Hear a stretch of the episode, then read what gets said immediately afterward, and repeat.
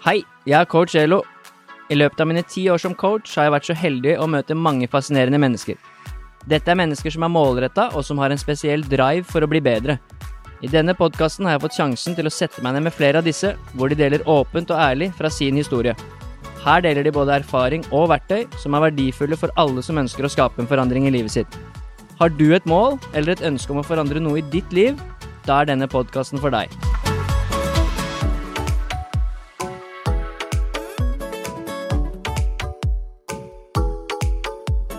Dagens episode er i samarbeid med den veldedige organisasjonen Super-Selma. Og jeg tenkte at jeg var nødt til å si noen ord om uh, denne fantastiske organisasjonen før vi starter med dagens episode. Og først og fremst så vil jeg bare si at jeg er så takknemlig for at dere er med og bidrar i podkasten min. Det setter jeg utrolig stor pris på, og jeg vet den gode jobben som dere gjør, og jeg har fått litt mer innsikt de siste ukene, og jeg syns det er unikt og veldig, veldig fint det dere driver med. Og som dere så fint sier, så er det dere ønsker, å skape et lysglimt i hverdagen til kreftsyke barn. Og alt startet da datteren til Tommy, Selma, fikk kreft som treåring, og dere fikk oppleve hvor tøft og brutalt det var å være på sykehuset i disse dagene og i den perioden, og da ønsket Tommy at det skulle komme noe positivt ut av det, og han ønsket å hjelpe andre som kanskje befant seg i samme situasjon, og det er bakgrunnen for Super-Selma-prosjektet. Og etter den tid så har det hjulpet veldig, veldig mange barn og familier der ute, og det hjelper mange hvert eneste år.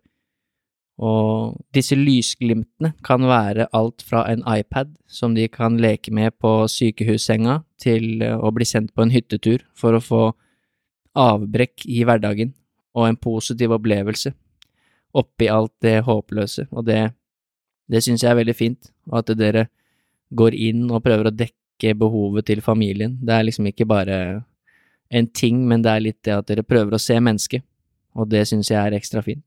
Så i forbindelse med denne episoden her, så har vi startet en innsamlingsaksjon for Super-Selma og Støtteforeningen for kreftrammede. Eh, så jeg håper at så mange som mulig ønsker å bidra, og uansett hvor mye du bidrar med, så er det veldig mye mer enn å ikke bidra i det hele tatt, så alle bidrag blir tatt vel imot, og deres vips nummer er 77762, som du også kan se i episodebeskrivelsen. Du kan også søke opp meg på Facebook, Elo Bjerkeseth Christiansen, og du kan donere via innsamlingsaksjonen som jeg har startet der. Og ønsker du å vite noe mer om Super-Selma, så kan du gå inn på min Instagram-konto og se videoene av Tommy. Du kan også gå inn på sfk.no, som da er Støtteforeningen for kreftrammede, hvor du kan lese mer om Super-Selma-prosjektet. Og du kan søke dem opp på Instagram. Det er veldig unikt og fint å se alt det de gjør, så tusen, tusen takk til alle som velger å bidra, og en ekstra stor tusen takk til Super-Selma som er med og bidrar i podkasten min, og jeg håper at vi kan samarbeide og gjøre enda større ting sammen i fremtiden. Velkommen til en ny episode av Coach Elo med gjester. I dag så har jeg med meg en kar som heter Tore, og han er en unik person som, eh, som, jeg er veldig imponert over. Og han er også en god kompis av min far. De er treningspartnere, og han har en veldig spesiell historie, og han har gjort så mye ting som, eh, som imponerer meg, og som jeg er helt sikker, helt sikker på kommer til å imponere dere som hører på også.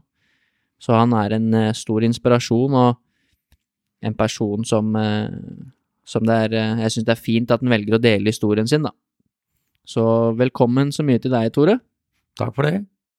Nå er du Du har eh, vært Fattern har vært borte og henta deg, og nå er du i leiligheten min. Ja. Koselig. Første gangen.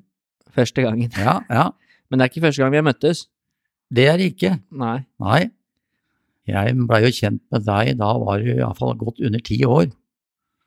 Ja. Og da var det um, Jeg husker blant annet at vi var på en sykkeltur vi skulle ned og se på Drammens, uh, Drammensmaraton.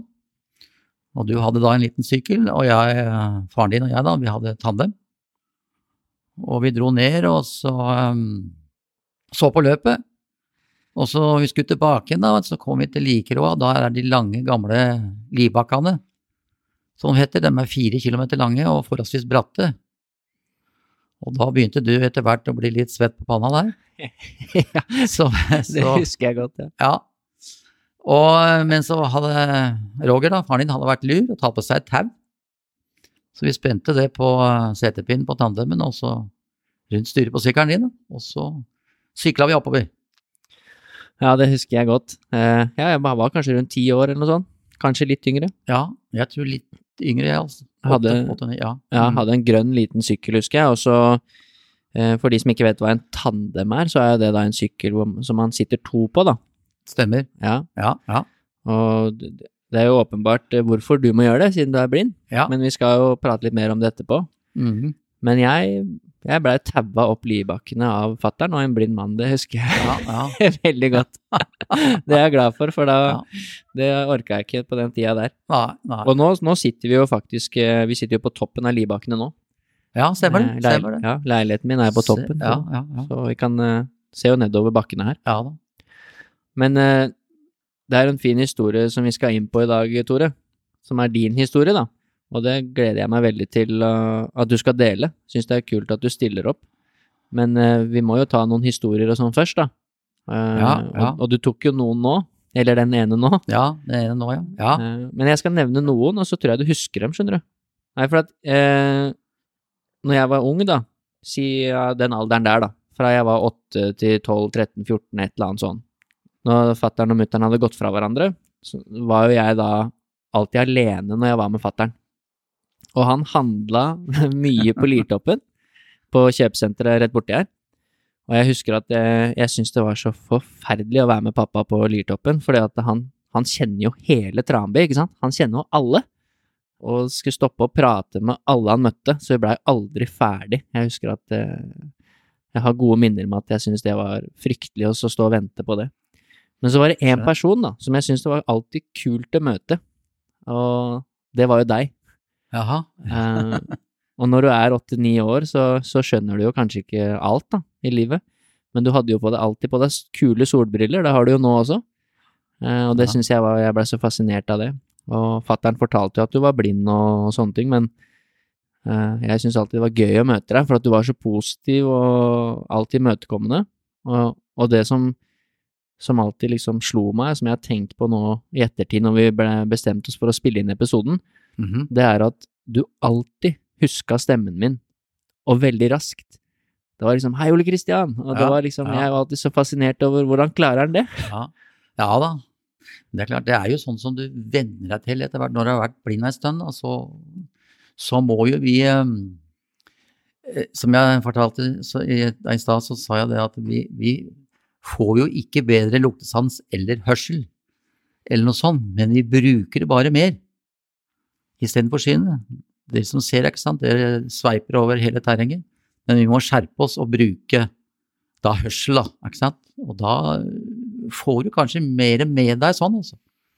Ja. Ja, det er helt åpenbart at du får brukt de sansene litt mer. Mm, mm. Eh, og du er jo veldig mye ute og trener, eh, på alle mulige måter, og vi skal prate om det etterpå. Alt det eh, som du har gjort, da, som er Ja, veldig imponerende. Ja. Men du hadde jo, som du sa, en liten morsom historie fra du var ute med Om det var Jan Dekor, om det var fattern, det husker jeg ikke. Men det involverer noen hester, og det involverer noen damer. Så det er jo en liten fun fact fra når du var ute på tur. ja, ja, ja, riktig, riktig. Kan jeg få fortelle den? Ja, den skal jeg ta. Det var eh, borti Kjekstadmarka her, hvor vi vanligvis eh, Det var Kjekstadmarka, det. Ja, hvor vi både går på ski og sykler. Ja. Og der eh, kom Petter og jeg eh, på tandemen, da. Og så kom vi litt inn i skauen, og så møtte vi en kar motfor. Så kommer syklende, og så sier han at det tar litt med ro, gutter, sier han, for at eh, det er noe hest og greier innafor her. Ja da, og vi sykla videre, så sa jeg til Petter at da må vi være veldig forsiktig. For at det kommer bus på en hest bakfra, det er, det er ingen spøk, vet du, jeg kan jo slå ut, ikke sant. Ja. Ja da, og så sykla vi, og så kjente jeg at han Petter begynte å bremse ned, og så begynte jeg å kjenne litt, hørte hestehøvene, og så begynte jeg å kjenne litt hestelukt. Det ligger jo, ikke sant, svett hest ute i skauen, merker det fort. Og så nærma vi oss, da, så, så satt, og så sa han Petter til, til venstre her, og jeg hørte at det var noe til venstre. Så, så jeg så jo til venstre, da, og hver gang vi liksom møter noen møter noen hester på, på tur og sånn, så pleier jeg å prate litt til dem. Jeg er jo gamle kollegaer, ikke sant? Ja, for du har drevet med hest tidligere, Ja, ja da. Og så så så jo jeg til venstre automatisk, da, og så sa jeg Neimen, står dere her, dere, sa jeg, så fine dere er. Her lukter det deilig hest. Nei, nei, nei, nei, sa Petter, det var ikke hestene, det var fire damer på tur. Ja. Ikke sant? For hestene var jo lenger fram. Ja. Så de lurt nok i all verden hva jeg slags type. Hvordan reagerte disse damene da? Nei, det fikk jo ikke Vi kjørte jo bare videre, så jeg veit ikke. Kanskje de står der ennå og gaper. Nei, ja, men det, men det Ja, det er sånn Det kan jo hele tida skje noe sånn spesielt, vet du, når du ikke ser. Ja. Ja, ikke sant? Men det er jo det er jo interessant hvor mye du bruker de sansene dine når du er ute, da. Ja, når du er ute ja og går på ski ja og sykler, og både lukt og, Lukt og hørsel. Og Jeg kjenner jo veldig ofte når vi er ute selv og sykler, da, at eh, hva folk har til middagen og, og forskjellige sånne ting. Ikke sant? Det blir liksom forsterka, de andre sansene. Ja, ja. Mm. Blomster, passer, hegg, alt sånn, vet du. Men det er jo veldig fint, da, vet du. Det er, jo fint for meg, ikke sant. Jeg er ute og så kjenner sånne deilige naturlukter og Det er en opplevelse, ja. ikke sant, selv om jeg ikke ser. Fattern har fortalt mye historier fra dere har vært ute, bare sånn på gøy, da. Ja, Eh, forskjellige ting, og, og da sa han jo det at eh, en av de tingene med Tore er at han, han lukter ting da når vi er ute på tur som jeg ikke lukter. Og det er noen ganger vi har da gått forbi noen kvinnfolk som har hatt på seg parfyme, Ja. og da enser ikke fattern det fordi at han sikkert er opptatt av andre ting å se løypa og bruke syn og sånn, da. Og da er det flere ganger han sier at du på spøk sier da 'var da fin, Roger', ja. ja. og da har ikke han engang tenkt på det. Nei, For da nei, har du lukta parfymen eller noe, da.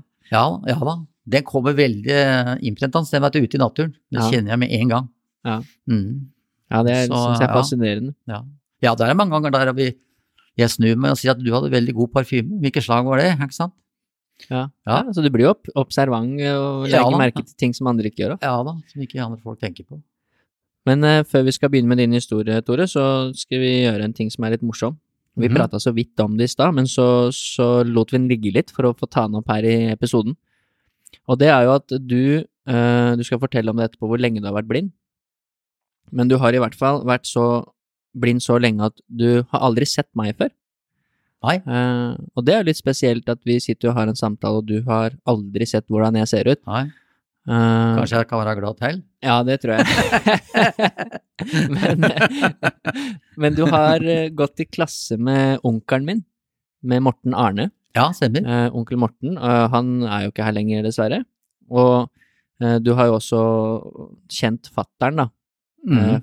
før du ble blind. Ja. Og du har også og sett moren min, da, mamma. Ja, Eh, ja. Så, så du vet hvordan de ser ut, både mamma og pappa, Mm. og en del folk fra familien min. Mm, mm. Men du har eh, aldri sett meg, og du har heller ikke sett broren min.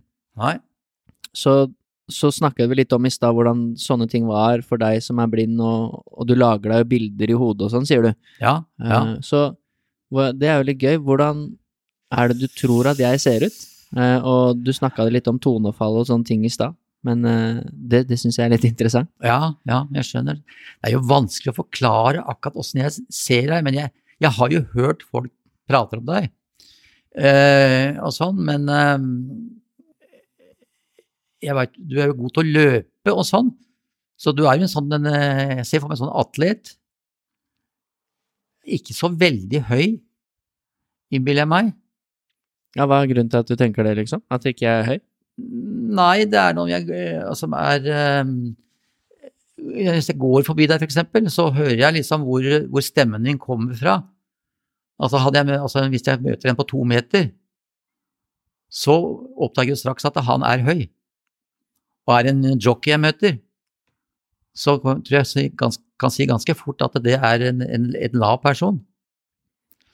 Så ja, men akkurat liksom jeg, du kan, jeg kan jo ikke se for meg et ansikt eller noe sånt noe, men kanskje hårfargen og sånn, men eh, det er vanskelig å forklare det, altså. Mm.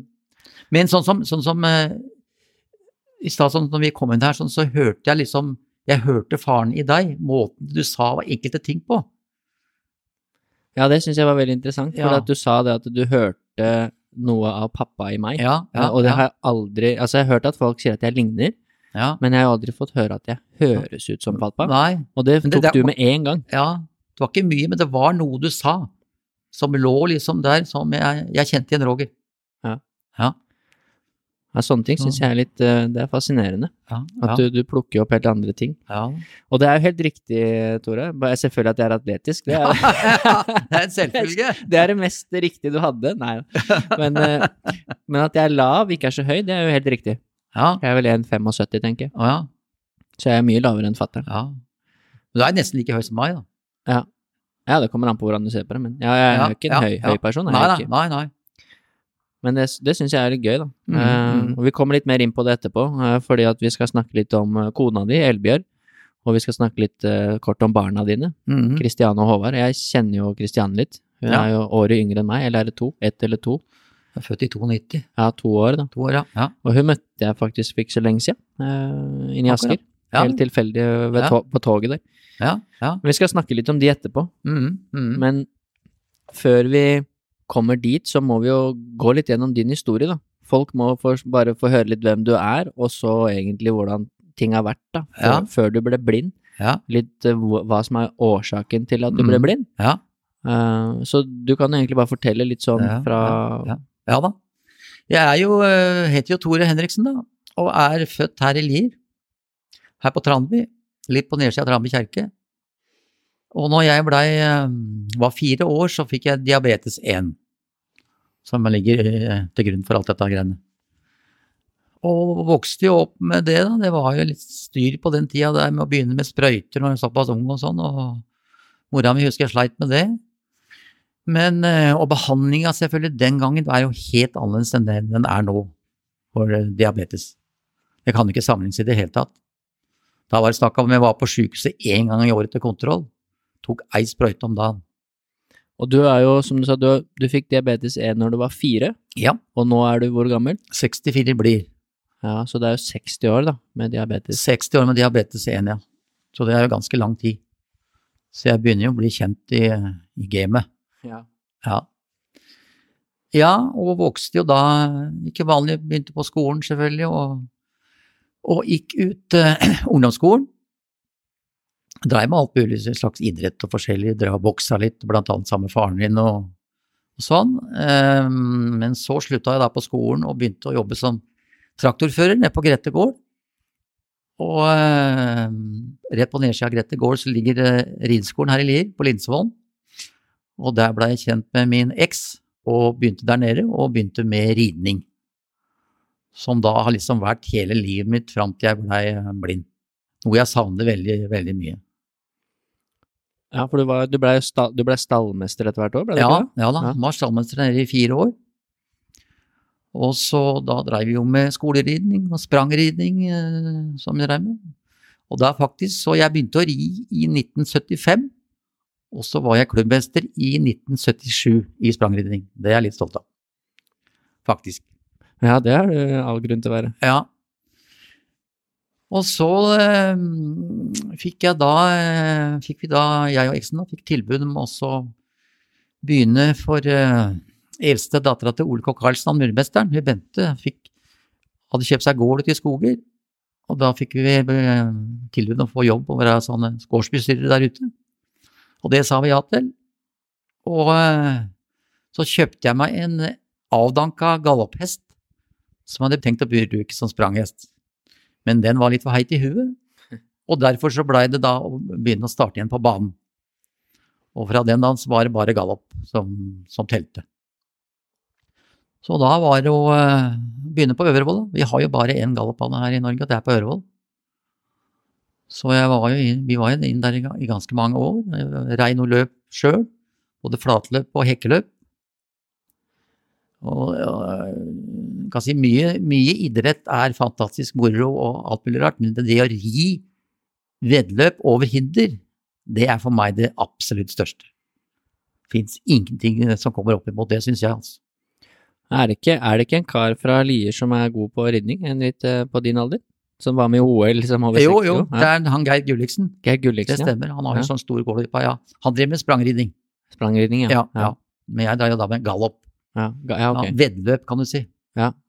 Ja, ja, sånn rundt bane, ja. Ja, rundt bane. Der er jo spill og Ikke sant. Det er spill på denne greiene. Ja, det er kult, da. Ja da, ja da. Ja, for du sa jo, du nevnte her i stad når du snakka om høyde, så sa du når du møter en jockey, så veit du at den er Mhm. lav. Det er jo en som sitter oppå hesten, ja. Ja, Ja. stemmer. Mm. Og de er jo veldig små, vet du. Ja. Det har passa for meg, det, ja. Du er nok eh, for stor, Ole Kristian. ja, der kan du Ja, se, det er ja. idrett som jeg er for stor til. Ja, det er jo ikke det er ikke dårlig. Nei da, men jeg husker alltid ønska at jeg hadde vært et hue mindre. Ja. For jeg var altfor stor til å være jockey, vet du. Hinderjockeyene er litt større enn flatløpsjockeyene. For en liten flatløpsjockey, han blir kasta av hesten når han avsprang, ikke sant? Ja. Men eh, nei, altså Sånn løp som det der, du, at du rir over 60 km i timen, og du ligger der eh, 10-15 hester ved siden av hverandre, helt close, det er spennende, altså. Ja, det kan jeg se for meg. Det er jo Ja. mye kraft og trøkk i det Ja, der. veldig. Og veldig tett, og det ser litt sånn brutalt Ja. ut noen ganger òg. Ja da. Det er en 400-500 kilo med bare muskler. Ja, ikke sant. Ja. Men er, følger du noe med på det nå? Tipper du noe på hest og sånn? Nei, Nei. tippa jeg aldri gjort noe særlig i det hele tatt. Når du var trener, så hadde du egentlig ikke lov å, å spille. Nei, nei, ikke sant. Nei. Nei, det er jo ikke lov. Ja, ja. Så Nei da. Og så da begynte jeg Jeg begynte å sko mye. Lærte å sko av han smeden nede på rideskolen her. Og så begynte jeg på Starum, på Hovslagskolen. Og så begynte jeg etter hvert å sko veldig mye. Ja, og det for vi som ikke er så gode på hest, da hva vil det si? At du Ja, det er å, å legge på kapper, verker høvene, og legge på nye sko. Ja. Inn med søm, ikke sant. Ja, på hesten, ja. På hesten, ja. Mm. Ja, ja. Så det er jo uh, tungt arbeid, da. Men uh, ja, fin, fint arbeid. Så jeg hadde jo da vakter på, på løpsdagene inne på Øvervoll, og hvis det skulle skje noe da, ikke sant, så måtte jeg trå til å ordne opp. Mhm. Så du kan jo si egentlig ganske at du har hatt en veldig aktiv eh, oppvekst, og også starten på det voksne livet var veldig, veldig aktiv. Med både boksing og vanlige idretter og hest og Ja da, ja da. alt som er. Veldig aktivt. Vi dreier jo også, vi, jeg, når vi dreier som neste, så rei jeg jo ca. tre timer om dagen, og så to turer. Begynte jo tidlig om morgenen i stallen. Rei ut den første turen klokka sju om morgenen. Særlig om det var varmt om sommeren, vet du, da måtte du få hestene ut så det ikke blei så mye insekter. Så da hendte det at vi dro ut enda tidligere, og rei da to turer. Kjapt av gårde tilbake igjen, og så var det å gjøre reint, fòre der, og så skulle jeg ut og sko, og så var det en ganske svær gård dette jeg jobba på, så måtte jo, var en del å gjøre der, da, selvfølgelig. Hadde jo våronn og sånn, eh, hadde korn, da. Og så hadde vi eget høy, husker jeg. Så det var nok å gjøre, ja. Hadde jo, jobba jo stort sett døgnet rundt. Ja, det høres ja, veldig aktivt egentlig, da. Med, I alt som eh, handler om hesten og Mm. gården og alt, da. Ja, det er jo ja, fysisk krevende jobb og yrke da. å drive med. ja. Men uh, hvis jeg hadde blitt født på ny og hatt synet, så ville jeg gjort akkurat det samme. Ja, ikke sant? Ja. Jeg kjeda meg ikke en dag, altså. Nei, nei, det virker som du var veldig lidenskapelig Mm, opptatt av det, da, mm, med mm. hest og alt som førte med på det. Ja, ja. Men eh, så kommer vi jo egentlig da likevel til en veldig viktig eller stor hendelse i ditt liv. Fordi når, når du ble 29, Ja, eh, det stemmer. så begynte du å slite med synet. Ja. Da begynte jeg å slite med synet. Og eh, da var det en gang med sånne laserbehandlinger, og jeg fikk jo blødninger på øya. Det er de bitte små, det danner seg nye sånne bitte små blodårer som sprekker opp, og så får du blødninger. Og så ble det jo, du kan tenke deg hvis du ser, hvis du har et glass med vann, og så tar du et dr- dråpe med blekk oppi det vannet og ser mot sola. Sånn var liksom det å se ut av et sånt øye. Men så tørka det da opp samtidig, da. Og så gikk det en stund, og plutselig så var det en ny blødning. Og det gikk over eh, tre år. Og da hadde jeg også et par operasjoner, store operasjoner. Det holdt litt, men så plutselig fikk jeg blødninger. Så etter tre år så var jeg helt blind. Og det var det, altså, når du har holdt på sånn som jeg gjorde da, og så bli helt blind, og bli da sittende, det er ikke noe moro, altså. Det er jækla kjedelig. Ja, det og... går jo nesten ikke an å se for seg engang. Nei, Eh, Du, nei. Det vil si at du var 32 år når du ble blind, da. Ja. Jeg, jeg blir jo selv 32 år. Ja, ja. Eh, Det går jo ikke an å se for seg hvordan det skulle Nei, vært å bli blind nå. Eh, For det er jo fryktelig upraktisk, vet du. Ja. Ja. Så um, Og dette er på grunn av det, diabetesen? alt, ja, det er på Ja. av diabetesen. Ja. Senkomplikasjon, som man kaller det. Og da skjedde det mye rart. Eh, Først da ble jeg blind, og så ble jeg skilt fra ekskona. Og så måtte jeg kunne ikke da fortsette jobben. Så da var det jo mye på en gang, da. Men eh, så tenkte jeg det at eh, nå må jeg bestemme meg. Enten så eh, Jeg må trå til, og så må jeg bite tennene sammen. Så, tenkte jeg at dette her, det skal jeg klare. Og det er helt sikkert sant det jeg sier nå. Jeg har ikke tenkt én negativ tanke siden den dagen. Med det med det at jeg ikke har syn og sånn. For det går ikke. Da har du tapt, altså. Du Ja. må bare tenke positivt og tenke på hva du kan gjøre, og finne på. Og være er en veldig fordel det at jeg er utadvendt, kan du si. For de som er blinde og er innadvendt og ikke tør å prate seg eller sånn, dem har jo selvfølgelig et veldig problem. Ja. Men der har jeg jo en fordel, da.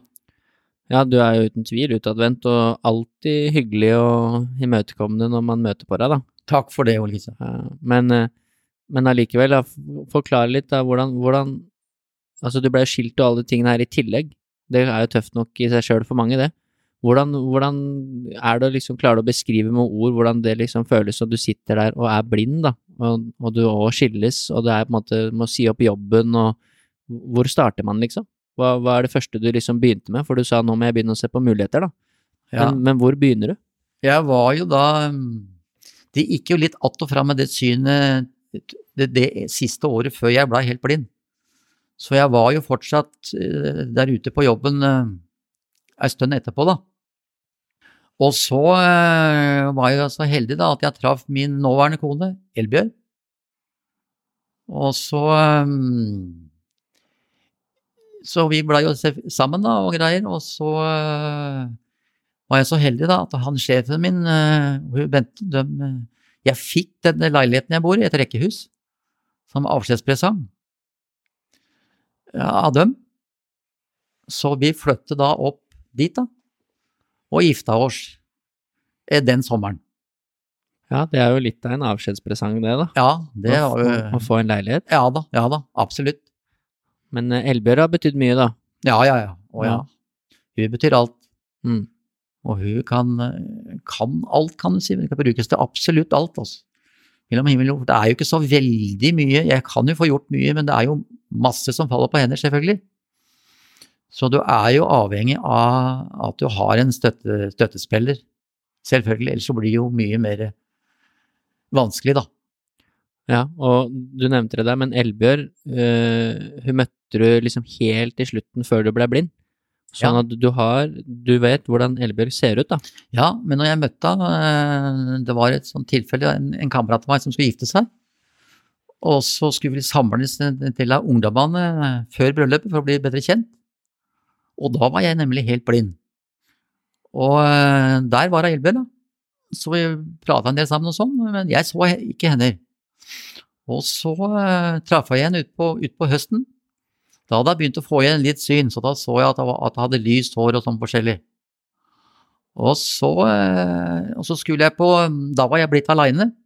Hun eksen var dratt. Og så, uh, og så jeg, skulle jeg på ferie. Og da måtte jeg ha en partner, selvfølgelig, med meg på ferie. Så da skrev jeg et brev til henne. vi gikk på skole borte i Bergen. At jeg trengte en, eh, en tur, turkamerat. da. Så jeg sa det at du kan bare ta med deg pass og bikini, så skal jeg ordne resten. Og hun sa ja. Og siden så har, eh, har det vært vårs. Vi hadde 30 års eh, bryllupsdag nå sist sommer. Ja, for det er jo litt av en historie, da. Det kunne jo nesten lagd film av det der. Ja, ja, Men, ja men hvordan var det, hvis du husker det, da? Fordi at når du første gang møtte henne, i det bryllupet, så var du Ja. blind. Ja, stemmer. Eh, men jeg kan jo se for meg at eh, siden du likte henne litt, at det var et eller annet med samtalen som men, men hvordan var det når du da så henne? Var det da sånn som du hadde sett det for deg, eller var det Hvordan var det? Ja, det var Ja, sånn delvis. Sånn delvis. Ja. Eh, men jeg var veldig fornøyd. Det kan jeg si. Ja. Ja, absolutt. Og det er klart, jeg snakker med andre rundt da, og de forklarer det, ikke sant, og sånn og sånn. Så jeg visste jo så noenlunde. Mm. Men jeg var dyktig fornøyd, ja. Ja, det, ja, Elberg er en pen dame. Du skulle jo nesten eh, hatt henne her, da, for, for å høre litt hvordan det var for henne. For, hvordan Ja. tror du det har vært for henne, eller i den fasen der, for hun visste jo at du var blind? Uh, når dere da ja, ble sammen ja da, og sånn? ja da. Eller, altså, hun, hun, hun visste at jeg var blind, og jeg fikk jo synet litt tilbake igjen, men du visste at jeg kom til å bli blind. Mm. Det, det visste hun. Det var da en, en dag ut på, da bodde vi ute på gården der jeg jobba, Ja. og da sa jeg til henne at eh, Elbjørn, sa, er du sikker på dette her? Du veit at jeg kommer til å bli blind. Mm.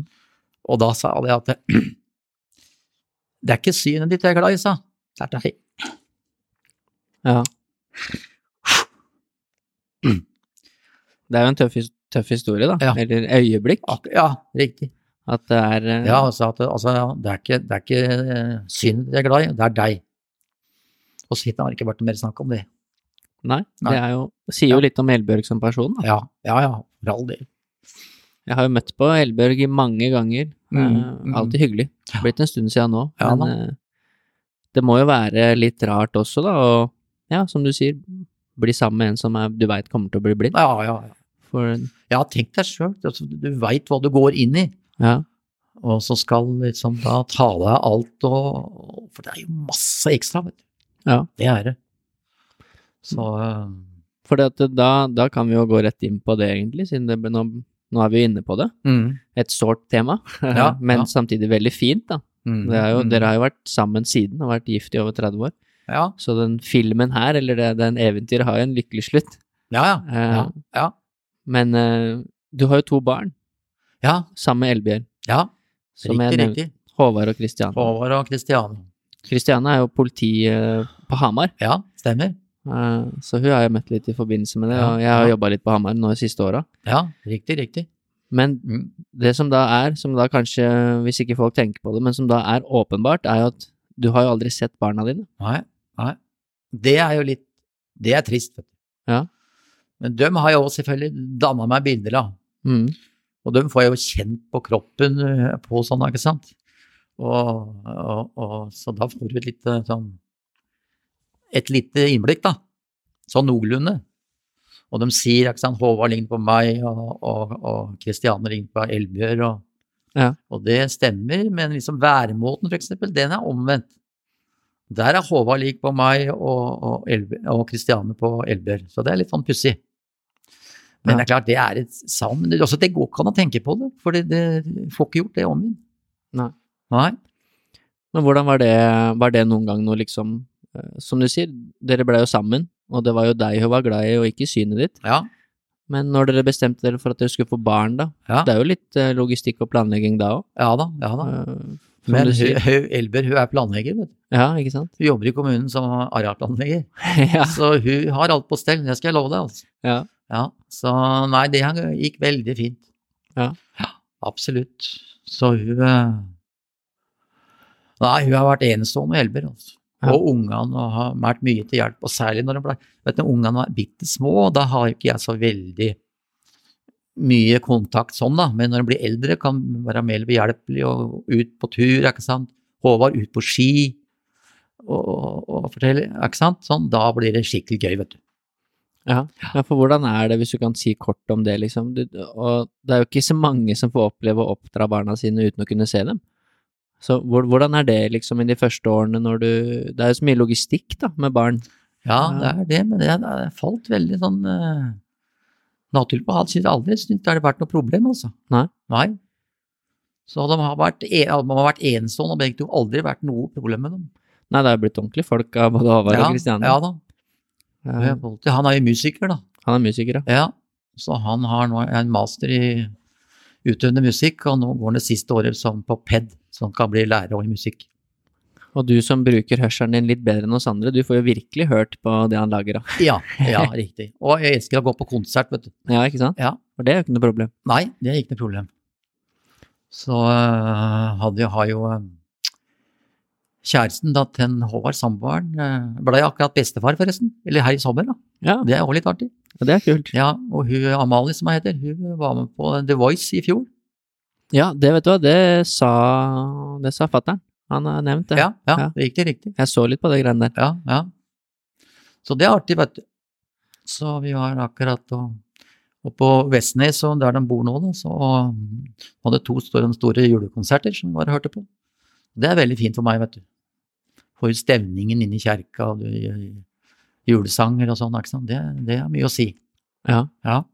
Ja, er du gæren. Men du har jo altså tilsynelatende hatt en sånn vanlig eh, familie, holdt jeg på å si, altså rekkehus og kone og to barn Ja, og ja. Så du har gjort alle de vanlige tingene. ja hadde jo bikkje lenge, og Ja.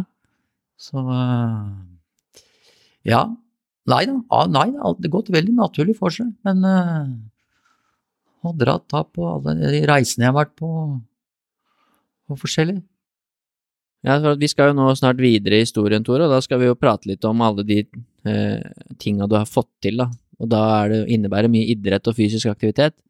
eh, Stemmer. Som, som er det, er det er så imponerende at det er jo vanskelig å skulle beskrive det, så det er bedre at du forteller om alt det. Da. Vi kommer jo snart dit nå. Men før det, da, selv om du, du sa en ting som eh, fascinerte meg litt, at eh, når du bestemte deg for at eh, dette skal jeg fikse, altså når du ble blind, da, Ja. så har du ikke tenkt en eneste negativ tanke Nei. eh, etter den. Nei. Kan du utdype den litt, eller er det hvordan hva, hva tror du fikk deg til å liksom bestemme deg for det? Det, det veit jeg ikke, men jeg, jeg skjønte at uh, det kunne fort gå, for jeg skjønte at dette blei uh, en fryktelig stor overgang. Og så liksom tenkte jeg at skal jeg sette meg ned, og hva, hva skal jeg gjøre? Her må jeg, her må jeg tenke positivt. Så da Ja, det er rett og slett bare tenke på hva jeg, hva jeg kan få til og ikke, og komme i kontakt med folk, blant annet. Jeg ringte jo han eh, formannen i Lier idrettslag og spurte etter ledsager første gangen, og da nevnte han faren din, han Roger. Mm. Så sånn begynte det, liksom. Ja, for du nevnte litt, at du har jo vært eh, treningspartner med fattern i nesten nøyaktig 30 år. Ja, vi har da gått eh, 16 ridderen sammen. Ja. Ja. Men vi kommer inn på alle disse Ja. tinga etterpå. Det er jo helt eh, det, alt det dere har gjort, og det du har gjort. Det er, det er, en viktig del av uh, historien din, det òg. Mm, mm, ja. Så nå har vi jo snakket litt om, liksom, eh, litt om bakgrunnen din, da. Ja. Og litt om at du har diabetes. Du fikk det når du var fire, Mm, og hatt det i da 60 år. ja. Uh, og så blei du blind når du var 32. Ja. Så hvis man da regner litt, da, Ja. så har du jo levd uh, like lenge blind som du har gjort uh, ikke blind. Stemmer. Mm. Det er i år. Så det er akkurat 50-50 i år. 50-50, ja. Mm. Og du, det har, det skjedd mye fine ting på begge sider. Ja da, ja da. Ja. Det heter jo det de første sju åra du er blind, da er du nyblind. De første sju åra, ja. Ja, okay. Du regner at det tar ca. så lang tid å venne seg til det å være helt blind. Syv år, ja. Ja. Ja, det er lenge.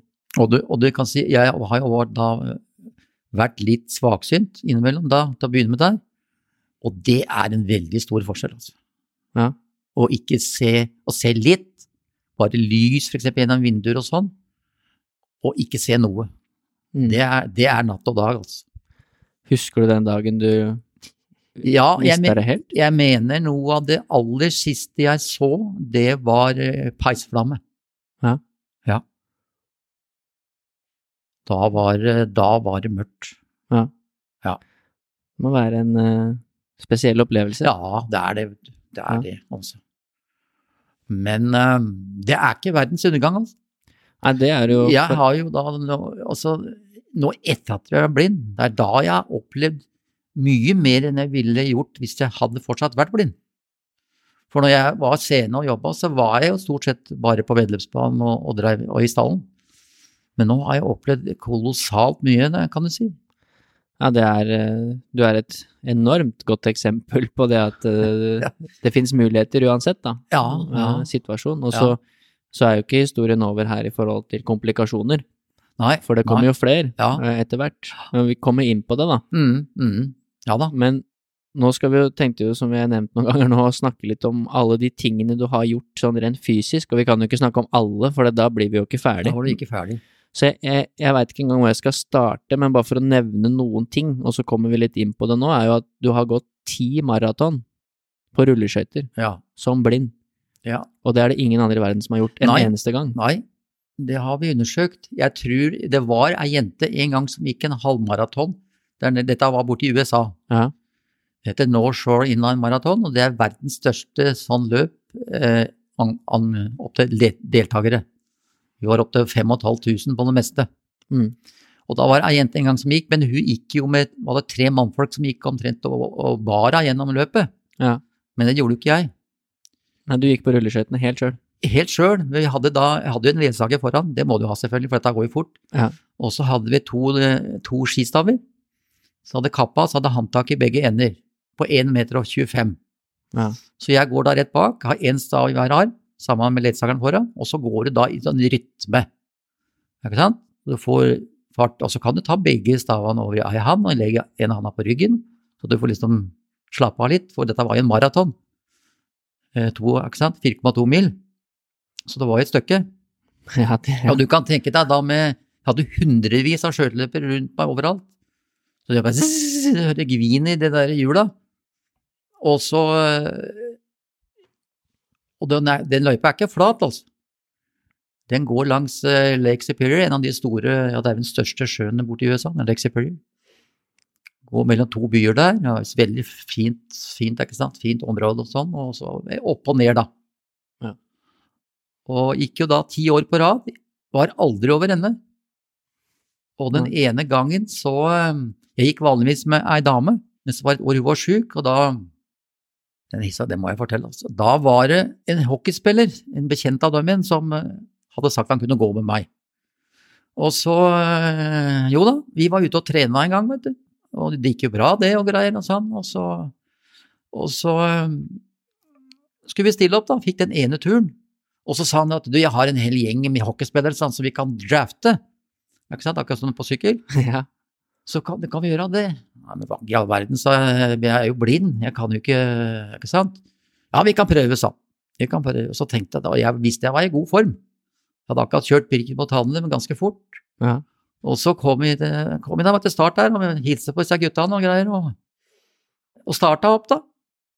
Og så masse folk, ikke sant. Og så gikk vi, hadde gått en tre-fire kilometer med bra fart. Og så sa jeg til han, eh, Dennis, som han het, at de andre gutta sa jeg skal ikke dem snart opp og dra litt?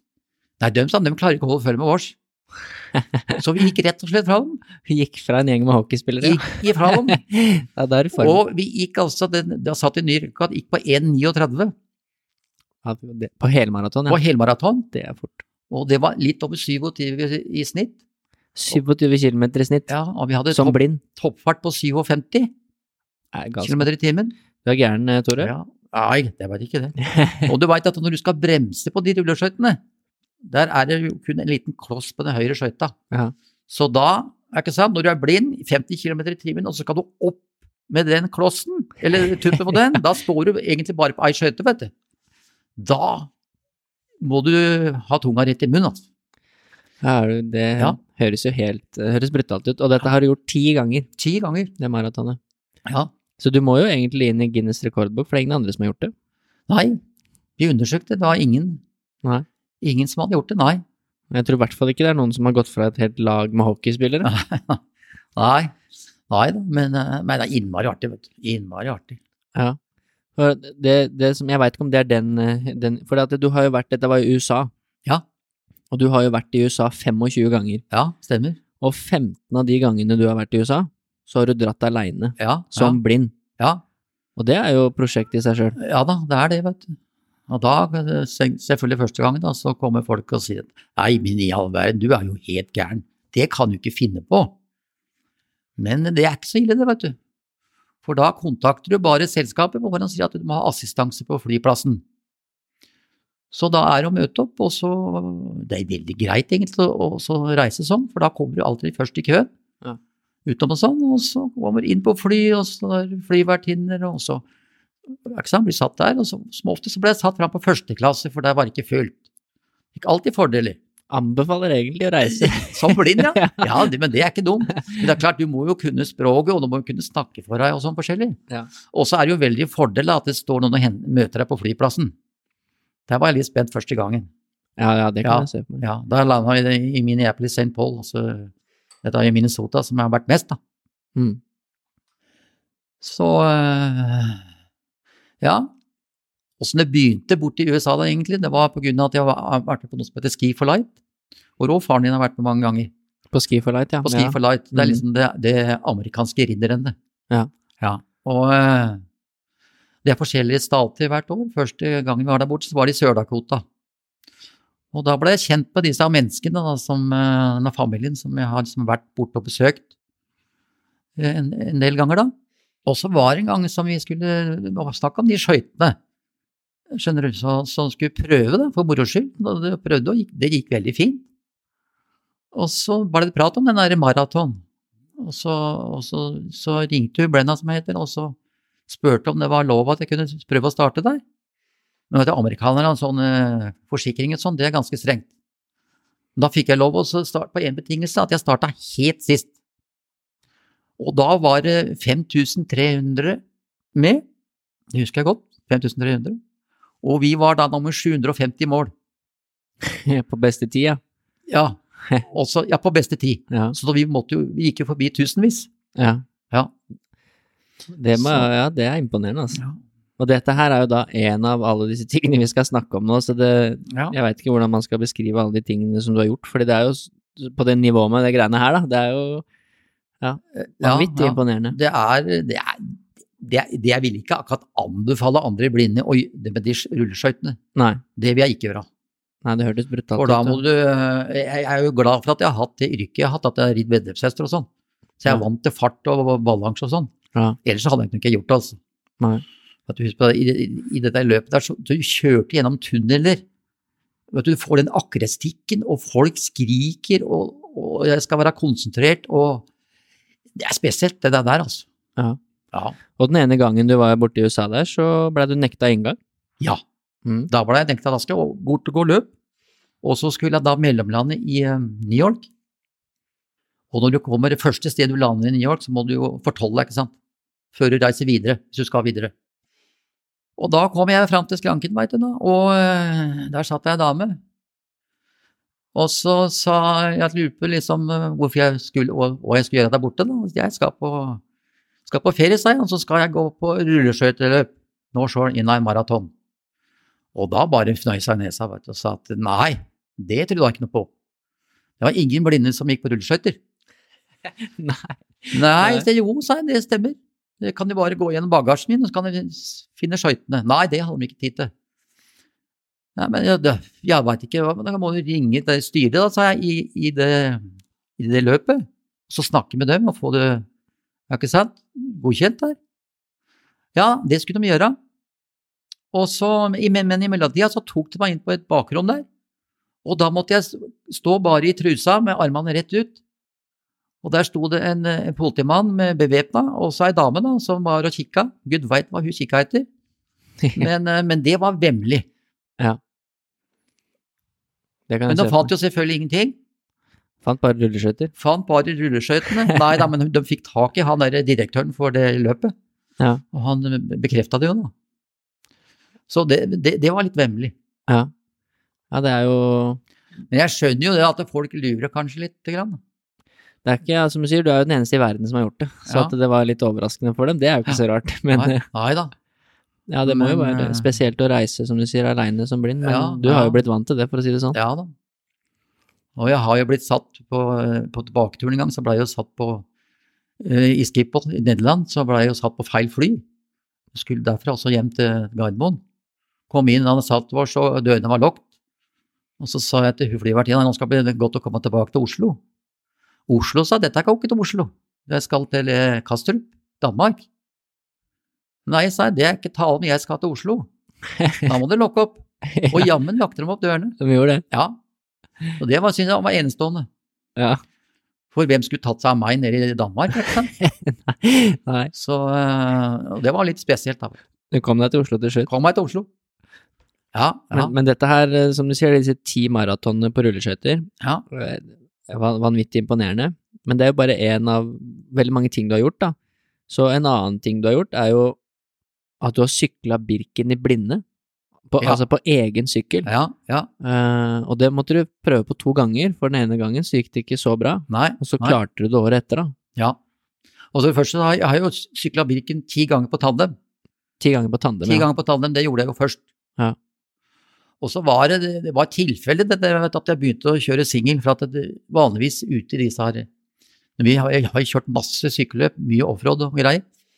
Og der står det mye folk vet du, som ah, ja, så sier de ja, feig på Tannem, vet du, to stykker. Og det har irritert både han Jan og meg litt. Grann. Så tenkte jeg ja, skal jeg jammen vise dem. Jeg skal begynne å sykle på singelsykkel. Og jeg og sønnen min vi begynte, og han hadde en liten sykkel, og jeg sykla etter han. Men dette måtte utvikles. Så uh, Gudbrand, som han heter, han piloten min som kjørte meg i Birken, han lagde en sånn svær kasse med to høyttalere mot meg. Og uh, der hadde jeg musikk med sånn MP3-spiller oppå styret. Som kunne, og de spilte inn 130 låter. Og det måtte jo gå sammenhengende. Det kunne ikke være noe pause, vet du, for da er jeg ute i grøfta med en gang. Og så hadde jeg en mikrofon, så når han prata til meg, så dempa du lyden i høyttaleren, og så kom lyden fra han tilbake mot meg.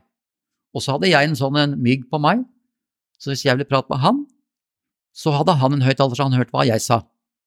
Men det ble aldri sagt mye under, sånn, det ble det ikke. Og det virka veldig bra. Og vi begynte faktisk nede på Lyngåsbanen når vi kjørte gjennom Skankesvingen, som det het så fint den gangen. Begynte der nede. Og ja, det gikk bra.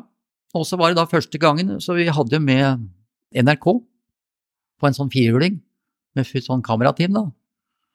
Og eh, stilte opp midt på natta oppe på Rena. Og hun der, eh, jeg husker ikke hva hun heter, da, Tove et eller annet, som direktøren i Birkebeideren AS eller noe sånt noe. Hun var der og starta meg med startpistol klokka to om natta. Og vi dro av gårde, da. Men så eh, var vi uheldige med været, det blåste så mye. Så når vi kom til Skramstadseter, da, så blei vi tatt igjen av de andre, for vi starta selvfølgelig da lenge før de andre, andre i løpet. Vi kan ikke kjøre i, i løpet sånn, det går ikke. Vi gikk på skøyter, men ikke på sykkel. Nei. Nei. Og da ja, blåste det veldig. Så at, plutselig så var ABBA langt uti der, og så var uti der, ikke sant. Så da fikk jeg ikke retningen, vet du. Så det, ble, det var farlig. Så da måtte jeg gi meg når jeg kom til Skramstadsetra. Og så ja, så gikk jo en stund, og så ringte han igjen fra NRK og lurte på om jeg ville prøve en gang til, for da skulle jeg lage et program om dette da, på ett år, som heter Faktor. Og da begynte jeg å trene igjen.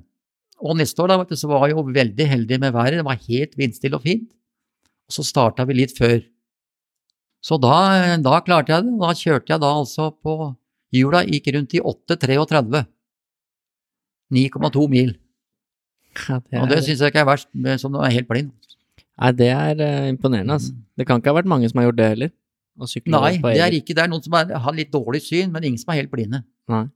Klart, hadde jeg vært svaksynt og kunne kjørt etter f.eks. ei veldig rød jakke eller oransje jakke, så hadde det vært mye, mye enklere. Ja, når du ikke ser noe som helst, ja, så er det jo ganske utfordrende ja, på egen sykkel. Nei, det er jo også en annen ting som bare er uh, ja, imponerende. Så, men det er jo veld, veldig artig, vet du. Men uh, det er klart, der skjer det problemer. Uh, ja. Jeg måtte jo passe på blodsukkeret mitt, eksempel, og passe på å stoppe hvert kvarter for å drikke. Jeg, jeg klarte ikke å sitte på den sykkelen og drikke. Ta opp drikkeflaska med én arm på siden når du ikke ser. Nei, det, Nei, det går ikke, altså. Nei. Nei, det blir jo litt logistikk. Ja, Men allikevel så viser du at det er mulig, da. Alle, mulig, ting, alle tingene som absolutt. er mulig å få til her. Ja, vi kjørte ut Grøttegata her, eh, du er jo kjent der, ja. i 55 eh, km på den sykkelen. Ja, fy faen. Ja. 55 km blind ja. oppå en sykkel. Ja, ja da. At folk sier du er gæren, Tore, det er jo det er ikke så rart. Nei, jeg veit ikke. Men uh, Nei da. Og jeg har jo også med ridninga Jeg rei jo mye etter at jeg blei blind. I? I full gallop. Gikk galloper. Jeg hoppa over grantrær og og ja, absolutt. Altså. Så det meste går. Ja, du fikk jo, ja, du får jo igjen for at du har vært aktiv før, ja, altså før ja, du ble blind, da. Ja. Uh, så klart, hadde jeg ikke, hadde jeg ikke drevet det, det, det, det, yrket mitt der før, så hadde, det hadde ikke gått, vet du. Nei. Jeg hadde ikke satt meg på en galopphest uh, der hvis jeg ikke hadde ridd før. Nei. Ja, da har jeg jo ridd i årevis. Og det er klart, ridning det er jo likt som sykkel, vet du. Ja, ja det gjør det kanskje. Ja, ja, det er mye likt. Det er derfor jeg begynte mye med å sykle, det var jo veldig likt, ikke sant? Ja. Mm. Du er sykkelrytter istedenfor hesterytter. Men uh, noe annet som du også har gjort mye av, er å gå på ski. Ja da. Uh, du har gått mye på ski. Ja, og så nevnte du det litt i stad, det er jo et, lø eller et renn, sier man vel på ski, da. Mm. Uh, ikke et løp, et renn som heter Ridderrennet. Ja, Eh, som er, det er for svaksynte hovedsakelig, er det ikke? ja, blinde og svaksynte. Blinde og svaksynte. Mostlig, Ja.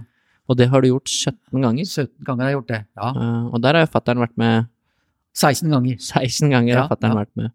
Første gangen var han ikke med, for da Ja, jeg tror ikke han var det. Nei, og jeg lurer på om jeg har vært der oppe et år òg, Ja, i oppveksten. ja. Det var jo, Fattern trente jo mye med deg, og det var jo mye Å forskjellig ja, ja, han var med på. Ja, å, ja, ja, ja. Eh, Jeg har gått mye skirenn. Ja, og jeg vet ikke hvor det kommer inn i den historien der, men du har jo gått da Første gang dere gjorde det, var jo på 90-tallet en gang. Men dere har jo også vært med på sånne rekruttlandslag Ja, på ski. Ja, stemmer det. eh, som liksom en sånn liten drøm å gå OL, Ja, men Ja, ja. du fikk aldri til det. Nei, men, nei, nei. Jeg er ingen eh, Jeg er ikke noen god skiløper. Jeg klarer å står og staker og sånn, det er ålreit, men eh, jeg er ikke noen skiløper, nei. Jeg er en hestemann, vet du. Jeg klarer ikke plutselig hoppe av hesteryggen og gå på ski, det er ikke så lett, altså. men du fikk vært med på noen rekruttlandslagssamlinger, Ja da, ja da, absolutt. Som blind? Absolutt, ja da, ja da.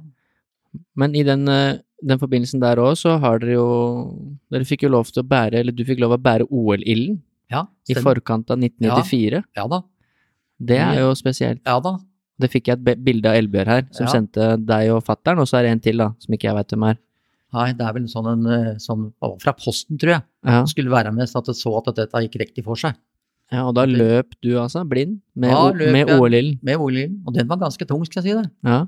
Så øh, ja da, så, og da fikk vi sånne drakter, vet du, bukse og jakke og greier og sånn, så det, ja, det var litt stilig. Det var noen alvorlige drakter dere hadde på det bildet. Ja, ja, ja. Det var kule, ja. da. Ja, ja da. Nei, det var artig å være med på, vet du. Men det jeg da kommer inn på litt, fordi at uh... Bare før vi går videre, jeg skal bare si at det første gang jeg kjørte Birken på tandem, det var med Roger, faren din. Det var det, ja. Ja. Ja. Mm. Resten med, med Dekko. ja. Ja. Og for de en som da kanskje ikke har fått med seg, tandem er jo at du sitter to på én sykkel. Ja, En sånn lang sykkel. riktig, riktig. Uh, og vi, vi kommer inn på et par ting etterpå også, nå som hvor du, flere ting du har gjort, og som du gjør nå i treningshverdagen din. Ja, uh, ja, Og det kan du også se i den videoen som er i forbindelse med episoden, ja. hvor jeg ja, blei med ut når dere skulle ut eh, på kjelke og sykkel og ski. Ja, stemmer, stemmer. Uh, Men du ikke har gått 17 ridderrenn på ski, Ja, Eh, men de senere årene så har du ikke fått gått på ski.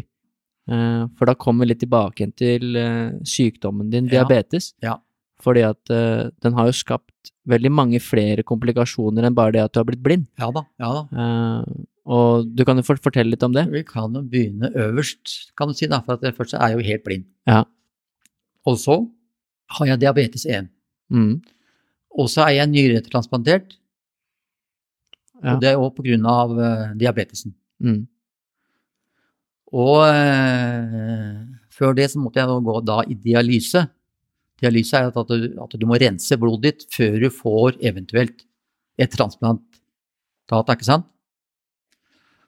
Og, og litt artig med den nyra jeg fikk, det må jeg bare fortelle, det er jo det at han Olav Stuseth i Bjørn Myhre, han sier at den nyra må du ha fått av en motorsyklist, for du går litt skeivt. Du ligger over i svingene. Ja, du veit jo ikke hvilken, altså hvor du får dette nyra fra, da. Nei, det er litt spesielt.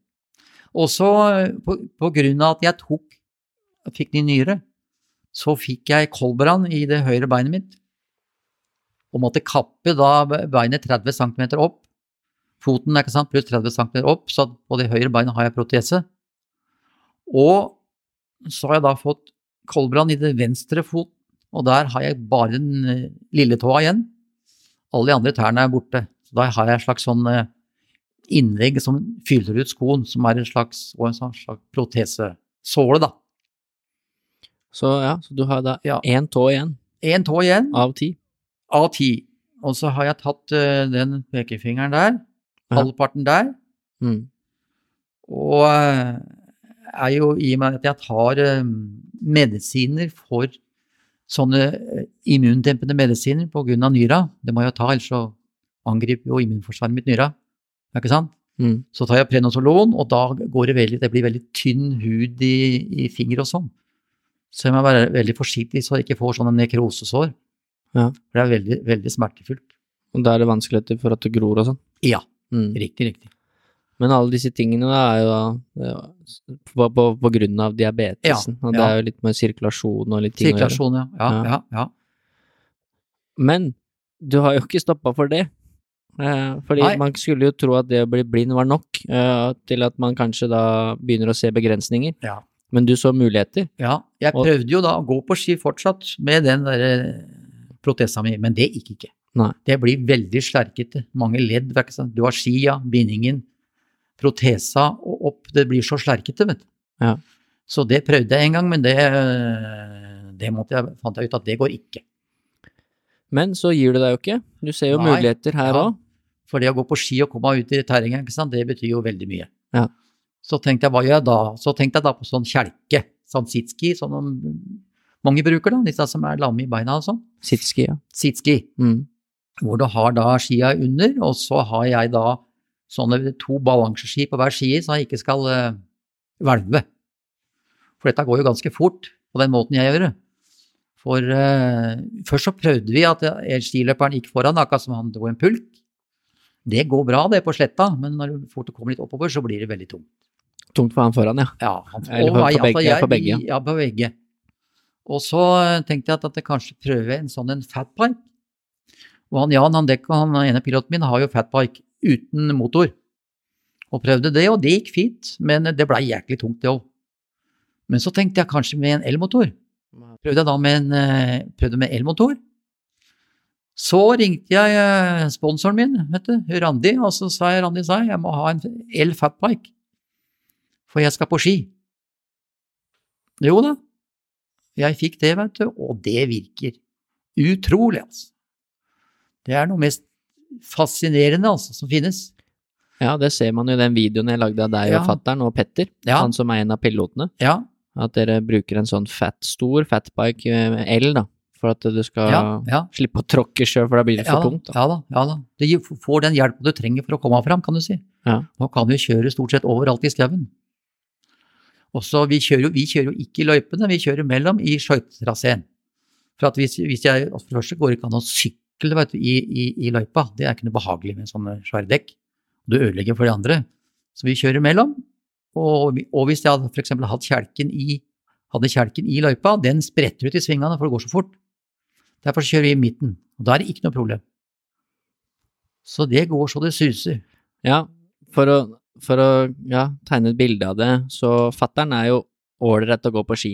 Han har i Ja. hvert fall gjort det i alle Ja, år. ja, ja. ja. Og han er jo med litt. Han, han, noen ganger så sykler han jo på Mm, Ja, og noen ganger er han med at han går på ski ved siden av. ja. Riktigere for, forklart så går han for ski bak, fordi at han har ikke kjangs til å holde følge med dere. Så det går Nei. ganske kjapt. ja, det går fort. Ja. Og spesielt eh, Altså du, du kan tenke deg jeg, jeg kan tenke meg iallfall det å stå på vannski er noe likt dette her. For det er klart, når du kommer inn i en sving, så begynner kjelken å skli utover. Så da, og hvis jeg da legger meg inn i svingen, så går jo kjelken enda videre utover. Derfor må jeg prøve å legge meg motsatt, så jeg kommer på ytterski, ikke sant. Så dette må jeg hele tida justere. Derfor har gutta en sånn en, eh, høyttaler som snakker til meg, så jeg veit når svingene kommer og hvor. Og vi, vi kunne jo utover kjørt noe voldsomt fort, men det, det, det er jo grenser, vet du, hvor det skal Hvis vi møter dem, må vi jo stoppe aldri, men, men oppover går det veldig fort og jevnt, altså. Så der skal det være en brukbar skiløper for å holde følge. Ja. Og da sitter du og, du sitter og pigger, som du Jeg kaller det. sitter og pigger. Med staker. Ja. Mm. Alt jeg orker, så det er eh, Det er artig, altså. Ja, er gærent. gæren. Det, Det ser er- morsomt ut. Ja. Det blir litt, så litt som kjørt kjøre sånn berg-og-dal-bane på tivoli, ikke sant. ja. Ring, ikke sant? Opp og fram og ja.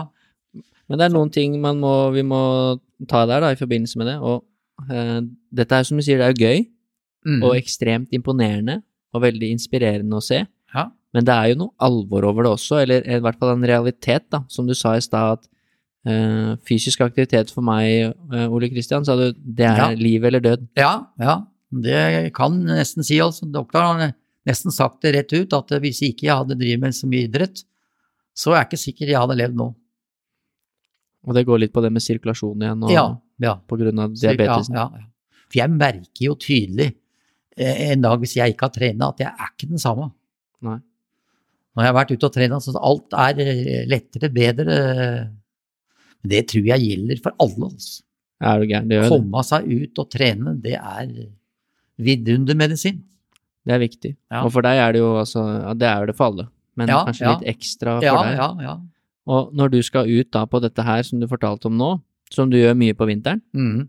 eh, opptil flere ganger i uka Du var ute med fattern her om dagen, Ja. eh, og Jan Dekko, som er han andre som har vært pilot, da. Mm, mm. Så er jo du da avhengig av en el-fatbike. Eh, Du er avhengig av at du har en pilot, som du kaller det, som sitter på den. Ja. Du må ha med deg sitskien din, Ja. eh, og dere må ha høyttalere og sånn intercom. Ja. Og hvis ikke du, fattern eller noen andre kan hente deg med varebil, så er du avhengig av en taxi. ja, stemmer. Eh, Så det er jo veldig mye logistikk for at du skal få trent halvannen time. Ja, ja, det er det. Så det er klart at uh, du må ha litt guts. Ja. Det skal mye til. Ja, for den Eh. terskelen for mange er jo ganske stor, den for mange å Ja, gå ut og trene. Ja, ja. Og hvis de skulle gjort alt det greiene som du gjør, så tror jeg det er mange som hadde droppa det. Ja da, ja da. Absolutt, altså. Men, uh, men jeg må ut. Ja. Eh, uansett, altså. Men det er, nei, det er, det er mye som skal til. Mye utstyr. Og det er klart at det, utstyr koster penger. Ja, og, og da vil jo du nevne i den, Ja. noen piloter, som du kaller det, som har vært viktige for deg, Ja, og i tillegg noen sponsorer sponsorer. Ja, mm, ja, som gjør det mulig for deg å få trent, da. ja. Og det er jo først og fremst altså Bjørn Myhre, eh, ikke først og fremst, men Bjørn Myhre Sport, da. Mm. har jo vært eh, kunde der oppe nå, og i 30 år, og de har faktisk eget sånt eh, julebord for meg, som jeg kaller for Torebordet. Som jeg har hatt eh, 20 ganger. Torebordet. Torebordet, ja. Da er hele butikken. Og så kan jeg ha med meg de ledsagerne jeg vil. Så det har jeg hatt i 20 år, og de, da kom koronaen, så vi har ikke vært der etter det. Så det er, det er helt utrolig verdt. Og så har jeg da, sist men ikke minst, Randi Nilsen. Og jeg hadde den første hesten til Randi i trening, og, og, og møtte henne da i 85.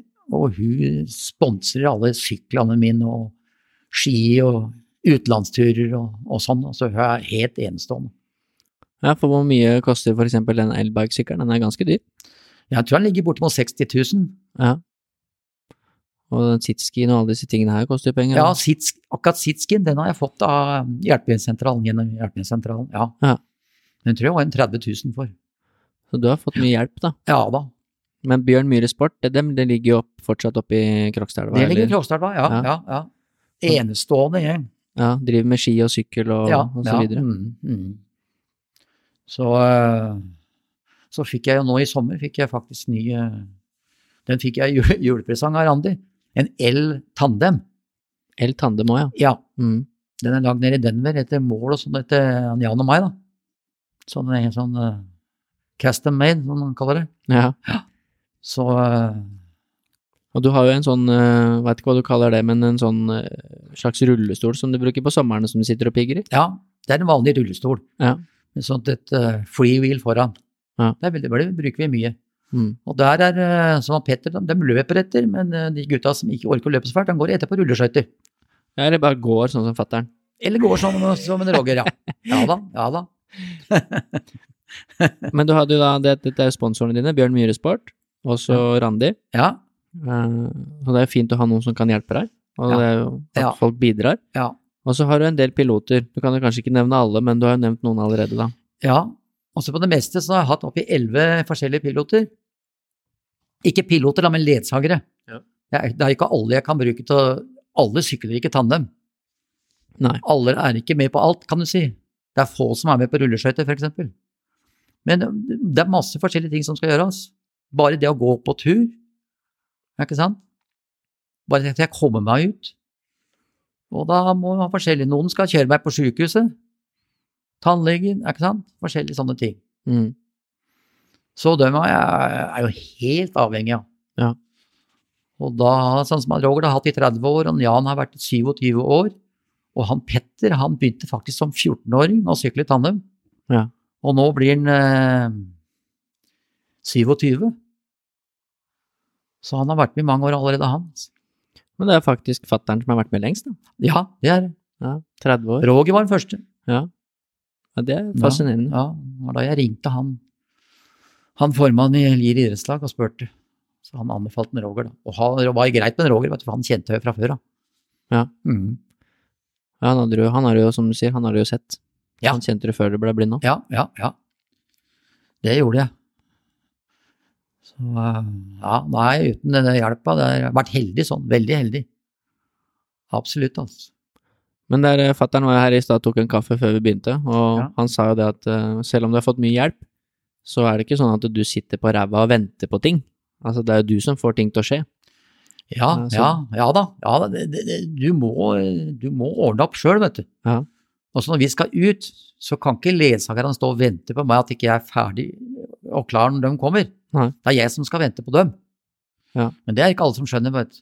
Jeg har jo hørt på enkelte ganger du må, du, kommer og du må kle på utøveren. Det går ikke, vet du. Nei, du må, Nei, det går, det går ikke. må gjøre det sjøl. Ja, må gjøre det sjøl. Så å ringe rundt og legge opp uka, kan du si, og kan ikke den den dagen, så da, Og så er det selvfølgelig veldig avhengig av at du har flere ledsagere. Du kan ikke slite bare på én, det går ikke. Nei. Så Og så har du, du har fortalt til meg også, du har treningsrom i kjelleren nå, så du har litt egentrening nedi ja, der. ja. Mm, vekter og Der har jeg vekter, og så har jeg sånn um, ganske stor ergometersykkel, er en sånn spinningsykkel. Ja. Romaskin. Strikker. Matte og sånn, ja. mm. Så jeg får gjort uh, bra arbeid der nede. Ja. Ja, du er jo Du er i god form. Det er det ikke noe tvil om.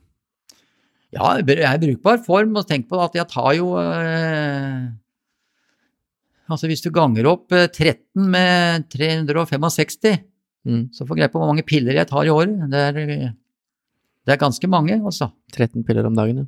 Ja. Mm. Så eh, Ja, så, så i forhold, forhold tatt i betraktning, så syns jeg er i bruk av form, altså. Og det er jo litt, eh, det er jo litt logistikk med, med kostholdet og sånne ting her også rundt det med så mye trening, på grunn av selvfølgelig diabetesen ja, ja, ja. og insulin og blodsukker og sånn. Ja da, ja da, det er det. Så jeg må passe på å ikke dra ut med for lavt blodsukker. Det går ikke. Nei. For det synker ganske raskt når du begynner å, å jobbe. Så du har funnet løsninger på det, du har med deg litt forskjellig Ja da, ja da. Alltid med meg noe. Så har jeg alltid en sånn en patron med sånn glukosesjokk liggende i sykkeltaska. Mm. Ja. Men det er, det er sikkert, det har bare blitt en vane, eller at du har kontroll på de tingene der. Er Rutine, Ja da. nesten, det. Da har jeg 60 års rutine, så, ja. så jeg har diskutert mye med legene på sykehuset om diabetes. Ja. Sånn, sånne nyutdanna kommer og skal lære meg om diabetes, det er- Da blir jeg ikke helt blid, altså. Nei. Nei, nei, det gjør jeg ikke. Nei, du har Så- mye erfaring. Det er ikke mange som har levd med det i over 60 år. Nei, jeg tror ikke det, altså. Det er nok noen, selvfølgelig. Men... Men det en- det er en ting som også har vært veldig viktig for deg, som jeg tenkte vi skulle prate litt om.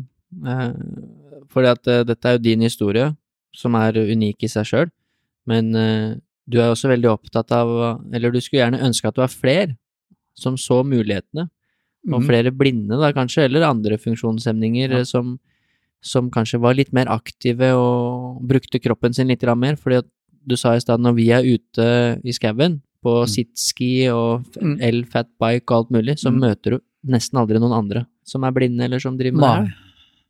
Har ikke møtt noen andre omtrent i hele tatt. Ikke, ikke inn i Kjekstadmerka der vi går mest. Nei. Absolutt ikke, altså.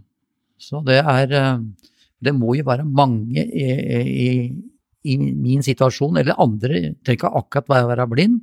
Du kan ha andre handikap og forskjellig, at du er litt ja, svak og, og ikke kan gjøre absolutt alt, da. Og da kan komme ut. Så, så for eksempel sånn som tandem er jo helt utrolig. Der har jo mann og kone, ikke sant, kommer ut, sosialt. Fantastisk. Og den der eh, kjelken, da. Og trenger ikke å kjøre så veldig fort eller vanskelig terreng, bare litt att og fram og kommer seg ut, kjenner lukta av skau og granbar og kvae, veit du, og kald snø i ansiktet, ikke minst. Det spruter opp av det bakhjulet på sykkelen. Fantastisk opplevelse. Ja. Så, så ja, det kunne jeg godt ha sett for meg. Altså, flere fikk den muligheten. ja.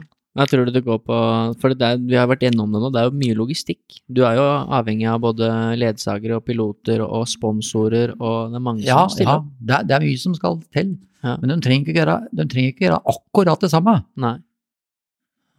kan du si. Så du får finne på noe. Men du må jo ville det sjøl. Ja. Men jeg, altså, jeg, jeg, det gjelder alle folk. Jeg skjønner ikke at ikke folk liker å gå på ski. Å komme ut i, ut i, i skauen når det er så flott og de løypene ligger der. Jeg kan ikke begripe det. Nei. Helt uforstående. Altså. Sånn var det i gamle dager når jeg drev og rei, vet du. Rei inn om morgenen. Og og innover, når det var litt nysende opp, og det galopperte innover, jeg hørte nesten ikke hestehøvene. Fantastisk. Kjente kom hesten svetta. Kom opp sånn deilig lukt. Nei, å, nei. nei, det har vært livet mitt, altså. Men det er tydelig for deg at det er viktig å komme seg ut Ja, og, ja, være fysisk ja. aktiv. Mm. Og det er en fin inspirasjon for andre. Ja. Eh, Så eh, ja, kom dere ut, altså. Ja. Finn på et eller annet som dere kan eh, finne ut av. Og du skal ikke være så lenge ut heller, men du. må komme litt ut. Halvtimes tid. Alt er bedre enn ingenting. Ja, og det, hvis det er andre ting som er grunnen til at folk ikke kommer seg ut, da, så, så, så finnes det ikke så mange unnskyldninger når man ser alt du gjør for å komme deg ut. Nei, det er ingen unnskyldninger, altså. Nei. Det er det ikke. Og det er jo så artig. Ja. Jeg koser meg, altså. Da, hvis jeg kommer ut, ut sånn tur om dagen, da er dagen, det er dagen for meg.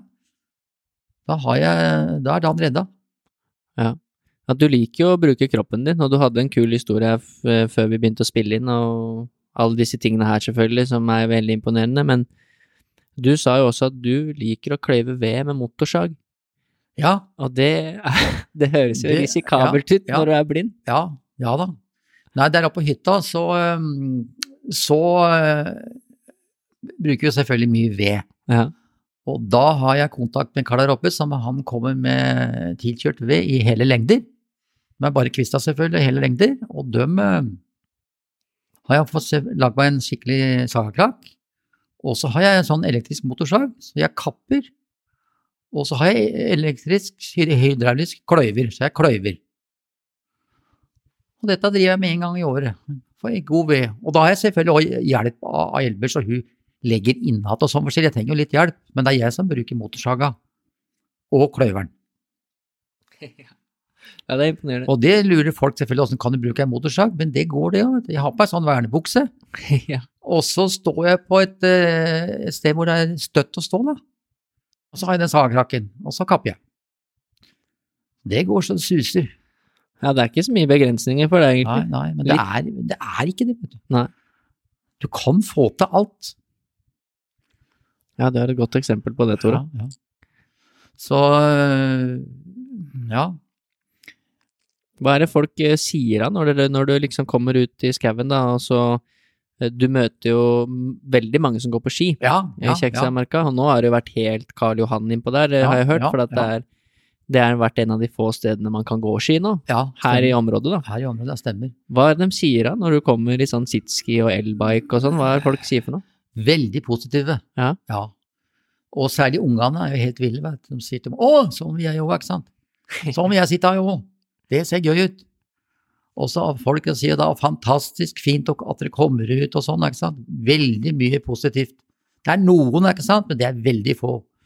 Og jeg har jo kontakt med altså Fålova skiforeningen, og han eh, Trygve Ruud som kjører løypene her borte, han har jeg omtrent daglig kontakt med, så bare ringer han. Så vi har liksom en avtale der, og hvis det er noen som klager eller noe, så skal, det, skal jeg be dem ringe han. Ja. Så skal han forklare åssen dette er. Men vi holder oss mellom løypene. Ødelegger ingen, tar hensyn og sånn, så det går veldig fint, altså. Ja. Folk er veldig positive. Absolutt. Men det må være litt gøy for deg òg, men eh, selv om du kommer deg ut uansett, du, så er det litt motivasjon og Ja, ja, ja, ja. For all del. Ja. For all del. Så du, og du kan sjøl tenke, ja, den gangen som vi, som vi drev, ja, sykla racertandem, da var vi mye i de store løpa, sånn som Vestfold rundt og sånn, og lå i disse svære sykkelfelta. Bare tenk deg den følelsen for en blind som kan være med, lå sammen med Dag Erik Pedersen og, og disse her. Åssen det er, liksom. Det er jo helt utrolig, vet du. Ja, for da går det fort. Da går det fort. Ja. Vi kjørte jo Vestfold rundt uh, 17,5 mil på 4 timer og 8 minutter. Hva er snittfart da? Eller det er kanskje 43. 43 km i snittfart, ja. Ja, Det er fort på sykkel. det er fort på sykkel. Ja, det er gøy. Så eh, ja. Nei, det er mye moro, altså. det må jo nesten være litt Det er jo det som er litt sånn eh, poenget med episoden også. eh, det, det, det fins ikke noen begrensninger. Nei, Det er nei, mye nei, muligheter. Mange muligheter.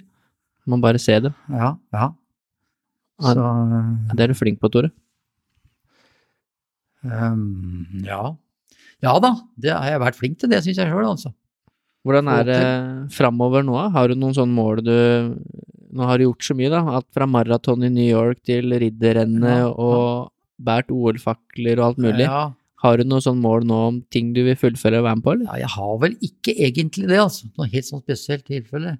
Um, jeg lurte en gang, det er en del år siden, å gå fra, fra, fra eh, Nordkapp til Lindesnes på rulleskøyter. Eh, Men det har ikke blitt noe, men da, da er jeg avhengig av mye folk, vet du. Ja. Mange ledsagere nedover. Ja. Men det kunne ha gått. Du hadde sikkert fått til det, du. Det kunne, det kunne ha gått, jeg skjønner. Men eh, det er mye dårlige veier innimellom, vet du. Ja. Og det er jo ikke noe særlig. De, de skøytene er jo mye mer sårbare enn rulleski, for eksempel. Ja. De tåler mye mer. Kjenner jeg deg rett, så, så tar du nok noen utfordringer etter hvert, du òg. igjen, og bli med på noe renn og ritt og Ja da, ja da. Vi får, uh, vi får se eh, hva jeg finner på. Ja. Men ut og trene, det er du i hvert fall ja, hver, ja, ja. hver uke. Ja, ja, ganger. ja, hver dag. Ja, hver dag. Ja. Jeg har nå i siste har jeg faktisk prøvd å trene to ganger om dagen. ja, At jeg, jeg, i, i, kjell- i kjelleren, det er ikke sant, på, først på den sykkelen og så på romaskin. Ja. Og det, det er ikke så dumt. Du har tid til det, vet du, så kan du gjøre det. Ja, ja er du gæren. Men eh, det jeg tenker litt på, er jo hva liksom er Hva er framtiden med den diagnosen som du har? Altså, du sier jo nå at du har jo amputert eh, ni tær Ja, og en ja, finger, og ja, transplantert nyre, og ja. hva hva, hvordan blir det? Også, nå er det nå i eh, mai så blir det sju år siden jeg fikk den nye nyra mi. Ja. Og jeg er jo nede fire ganger i året og tar prøver Mm. for å justere medisiner og sånn, og prøvene ser veldig bra ut. Ja. Så jeg har vært veldig heldig med den nyra. Så nå er det bare å trene, og, og at jeg tar medisinen min, selvfølgelig, det er veldig viktig. Ja. Og ja, lever vanlig, så er det ikke noe spesielt, egentlig. Jeg må være forsiktig så jeg ikke får noe mer sånn nekrosesår på fingra og, ja. og sånn, da. For du, du bruker det, har du ikke nevnt, da, men du har jo nevnt mye spesialutstyr nå, men når du er ute og det er kaldt, så bruker du også noen sånne spesial, både hansker og sko og sånn, for å holde varmen? Ja, ja. Mm. Bruker sånne elektriske votter. Ja. Mhm. Og så har jeg noen sånne spesielle Jeg må jo ha noen sånne spesielle støvler. Mm. For når jeg hender noen gang at jeg må ut og justere litt med beinet og bremse litt, da har jeg noen sånne spesielle høye jaktstøvler. Ja. Og de er ganske varme, kan du si, så, så det er he- henda, liksom, da. På henda hendene må du ha elektrisk, ja. Ja. Mm. Ja. Du har vært heldig med den nyra, da, at det alt har vært i orden, og Ja. at prøvene stemmer. Prøvene blir, ser veldig bra ut. det blir en sånn liten digresjon, da, men det er mye prat om covid nå, Ja. hele tida. Og der selvfølgelig lider jeg ikke noe godt av, egentlig, vet du. Nei, På grunn av jeg tar immundempende medisin. ja. Men nå har jeg tatt fire vaksiner. Ja, det var det som jeg skulle inn på. Du, Ja. du er en av de som har tatt vaksine og, og, og blitt testa om du faktisk har fått antistoffer, og Ja. det fikk jo ikke du på de tre første. Ikke på de to første. To første, To første hadde jeg ikke noe, men etter den tredje hadde jeg. Ja. Og nå har jeg tatt den fjerde. Mm. Så da begynner det å hjelpe også. Ja. Men jeg er veldig, veldig forsiktig, da. Ja. Ja, ja. Det er nok lurt. Det har jo gått bra hittil, ja. og det hjelper jo at du holder deg i form og trener og Det hjelper selvfølgelig, vet du. ja. Så jeg vil nok tro Jeg veit ikke åssen det er, jeg har ikke tenkt på, men altså et, et menneske som er i skikkelig godt, god form, må jo være bedre utrusta for å få det der enn Jeg veit ikke åssen det er. Nei, det er ikke godt å si. Det har vært så mye forskjellig. Mye forskjellig prat om det og sånn. Ja, noen ja. blir dårlige, noen blir ikke dårlige, og noen merker ingenting, og noen så Nei, det vel en liten digresjon, da. Men Ja. eh, vi nærmer oss jo litt slutten eh, på episoden. Det har Mhm. vært eh, Altså, det er mange inntrykk, da, og mye inspirasjon, og, og ikke minst perspektiv som man kan hente fra alt det du sitter og forteller, da. Alt du har vært gjennom. Ja. Eh, og hvordan du har valgt å løse det. Det er jo det som er eksempelet du er, da, på at du har valgt å løse det og virkelig se på muligheter. Mm, mm. Ja da. Ja da. Men jeg vil jo stille deg noen spørsmål på slutten. Ja. Uh, som en sånn slags, kanskje en eh, slags oppsummering, eller i hvert fall et Mhm. eller annet. Det er jo Resymé. Ja. Ja. eh, jeg, jeg liker å spørre folk på slutten av episoden om hva de er takknemlige for i livet sitt. Og da opplever jeg veldig ofte at det er mange som ikke har tenkt så mye gjennom det, og egentlig ikke vet, vet helt hva det er de setter pris på. Så det blir litt Mhm. interessant å spørre deg om det, for du har jo vært gjennom eh, ting som de fleste andre ikke har vært gjennom. Nei, nei, Så- stemmer. Hvordan er det for deg med takknemlighet og alt det du får til? Er det noe du tenker på å gå liksom Hva er du takknemlig for? Jeg er i grunnen takknemlig for alt, jeg, altså. Ja. Det er ikke noe jeg kan si at i og med at det er godt som det er godt, og jeg kommer meg ut og det, og har eh, familien selvfølgelig, Elver og, og folk, dette er støtteapparatet rundt meg, ikke sant? Så det er jeg veldig blid for. Jeg er i grunnen stort sett i godt humør og eh, ja. Ja, du er jo liksom utelukkende positiv de gangene jeg møter deg. Det er Mm. alltid, alltid positiv. Ja, jeg, jeg, jeg prøver å være det, ja. Jeg prøver ikke, jeg, jeg, jeg tror jeg er sånn, altså. Jeg trenger ikke å tenke noe på det. Nei. Mm. Ja, det er imponerende å se. Så eh, Det er jo mange, det er jo mange idrettsutøvere som eh, hører på podkasten min. ja. Uh, og vi har jo snakket uh, en del episoder om folk som uh, får skader. Ja.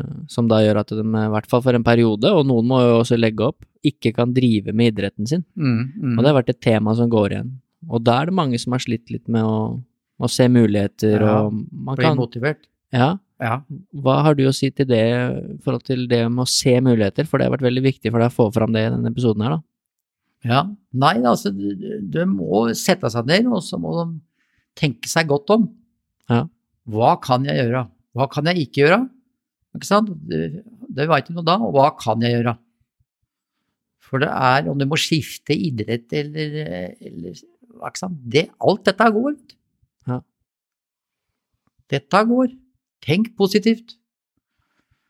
Det er klart, du, du, alle får vel sikkert en sånn en liten down der og sånn innimellom, men, men eh, jeg har klart å holde meg uten det, altså. Men det er klart at hvis du er sånn, la oss si du er en håndballspiller, og så er du helt toppform og sånn, samme var det med hestene, du hadde hester som var i toppform, og så fikk de selvfølgelig en skade. Det er jo forferdelig greier. Ja. Og samme, samme er jo selvfølgelig med toppidrettsfolk. Blir jo helt satt ut. Men, eh, men sånn er det, altså. Det er kanskje det, noe av spenninga med idretten. Ja, ja, Det ja, er så veldig opp og ned at det, og når det går det dårlig, så er det helt grusomt, men så oh, plutselig så er det på topp igjen, vet du. Mm. Det er alt glemt. Men det er noe med å se de mulighetene som du har gjort, da. Det Ja, du, ja, det er det. Du sa jo at noe av det morsomste du veit, og kanskje savner litt òg, er jo å sitte på en hesterygg. Ja, ja. Eh, Og når du er 32, så har du ikke muligheten til det lenger. Nei, Du vil aldri få det, ikke på Nei. den måten i hvert fall. Nei, ikke på den måten, vet du. Eh, Det er noe med det, det å klare å akseptere det, da, og så se på alt det andre du kan gjøre. Ja, ja. Da må du begynne å tenke på noe helt annet. Og der har du vært flink. Ja, jeg syns det har gått veldig bra. Altså. Jeg syns det. Mange folk sier til meg at ja, nei, du er jo klin gæren, ikke sant. Men det er jeg ikke, vet du. Det er bare det at det, det, det er litt mange, like mange folk som er litt pysete, Ja. og de tror ikke at dette går an. Og jeg sitter i den kjelken. Jeg sitter jo nesten nede på bakken, Mm. og det er snø. Og det kan ikke skje så veldig mye rart, selv om den kjelken går rundt en gang. Det overlever du. ja, for du tryna, du fortalte det, du tryna Ja, ja, senest på onsdag, så tryna du. Ja. Da kom det plutselig et hopp som ikke dekkoen var klar over. Så vi spratt til der, ikke sant, og gikk på hus stupe begge to, ute i snøen der. Men det gikk veldig fint, det. Vi kom oss opp igjen. Jeg sitter her nå, men, men da liksom får jo en liten oppvekker og sånn, da. Det kan jo skje ting, Mm. men du, du trenger ikke å kjøre overalt heller. Du kjører det, det du har nerver til, det, det gjør du. Så ja. Nei, du er en eh, Du er en stor inspirasjon, Tore. Det er kult å se alt du får til. Og har fått til også før, da. Det er eh, Ja da. Jeg håper, jeg håper flere, altså. Ja. Særlig eh, yngre folk Mm. som begynner kanskje å få problemer sine og sånn, og så, og så kan komme. Må ta kontakt med deg, da. Ja, gjerne. Så høre alt, Gjerne, som, altså. alt som er mulig å få Ja. Og det å sykle tandem, var litt Ja.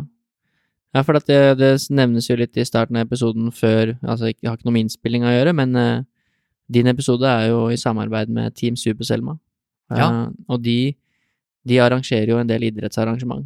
De er jo en del oppe på Ridderrennet og sånn, blant annet, Uh, Ja, ja. for folk med funksjonshemninger, da. Mhm. Så det er jo veldig mange muligheter. Og det er jo mange der ute som legger litt til rette for at du skal få faktisk vært Ja. aktiv, da. ja da. Selv om du har begrensninger. Eh, Men det er eh, Men det er klart, du, du trenger et støtteapparat rundt uh, Iallfall hvis du skal drive så mye som jeg har drevet, da. Ja, det er jo Så klart. jeg, men jeg har jo vært veldig heldig. Mm. Men uh, jeg er jo flink til å prate og er sånn utadvendt og sånn, og det har jo da mye å si, vet du. Til rundt, ikke sant. Og, du, skal vi gjøre det nå, skal vi gjøre det? Ja, for du snakker mye i telefon med fatter'n. Ja, ja, ja. ja. Det er ofte jeg er der borte, og så ringer du. Ja, ja, ja. Og da blir du fort uh, sittende en Da stund. blir vi sittende, vet du. Ja. Å ja, jeg prata mye med Rogern, ja. ja. ja, men det er fint, Tore. Jeg, jeg vet ikke om du har noe Hvis du har noe mer på hjertet og som du vil si, så kan du selvfølgelig få lov til det. Men uh, det er bare en unik historie, og du er et kjempegodt eksempel på at uh, det er så mye muligheter der ute. Hvis Mm. du bare velger å fokusere på det. På alle de Ja, tinga du, ja. du kan Ja gjøre da, med. ja da, ja da. Så øh, Nei, det er vel ikke noe helt øh, Helt øh, spesielt. Ja, du har sagt, eh, du har sagt veldig mye allerede. Ja. Jeg tror det er, det er mye og bra å svelge for folk allerede i denne, ja. denne episoden her. Ja. Eh, Det blir gøy å se hva du gjør framover. Jeg var jo ute, det må jeg kanskje si. Jeg var jo eh, Svigerinne og svogeren mine, to av dem bor oppe i Trondheim. Ja, Og når vi er hjemme oppe i Elbu, kommer, kommer fra Brønnøysund, og når vi er oppi der, så pleier vi å ta en natt over oppe i Trondheim der. da. mm. Og da hadde jeg med meg stolen nå i sommer, ikke sant, rullestolen, og da er han Kjetil, sogeren min, og, og sønnen, de løp ved siden av, eh, ikke sant, og vi var ute og pigga. Og tror du ikke at sjølveste Klæbo kom på rulleski, og jeg som er så fan av Klæbo, vet du, ja, jeg gråter jo nesten når jeg hører stemmen på Jan Post og Torgeir Bjørn, ja, og så Klau å stå på startstreken i sprint. ja. Da ikke gå bratt til det, altså. Nei. Nei, så det var, det var spesielt. Det var innmari artig. Fikk du hilse på han? Nei, han susa forbi, vet du. Ja. Ja. Men han hadde sikkert stoppa, han skjønner du, hvis han i min situasjon, kanskje. ja. Men, eh, men jeg kjørte forbi han. Det er en morsom historie, det. Ja. Selv du hadde kanskje slitt med å holde følge med han. Det tror jeg. altså. Det tror jeg. Datoen større motor. Å ta ATV, tror jeg. Ja. Ja, ja. Hvordan er det? Det kan vi ta med en gang før vi avslutter, da. Eh, For du sa du er fan av Klæbo, Ja. men han har du heller aldri sett. Nei, nei, Og du har jo nei, aldri fysisk sett han gå på ski. Nei. Hvordan er det å, å sitte og Ja, si det, du. ja. For du sitter jo ikke og ser på et skirenn, du hører det jo. Hører. Men der har de, vet du, Jan Post og Torgeir Bjørn, vet du, dem er jo de mest fantastiske. Kommentatoren er viktig. Ja, Mm. utrolig. De veit jo alt. Og, og eh, Nei, altså, det er Det er helt, for meg, er helt topp, altså.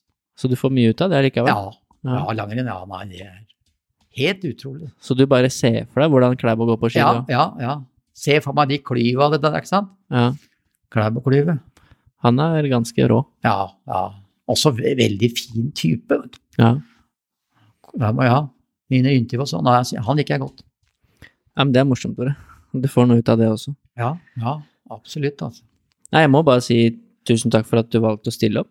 Eh, Takk for at jeg fikk være med. ja, veldig Så håper det blir litt eh, inspirasjon for andre. Ja, 100% sikkert. Jeg er veldig takknemlig for at du ble med på det, Tore, og så skal jeg love å få vært med på noen treningsøkter, jeg òg. Ja, det må du gjøre. Det er jo en atlet, som du nevnte i innledningen. Ja, ja. Også si altså, til alle som driver med idrett som jeg, på TV og sånn, altså.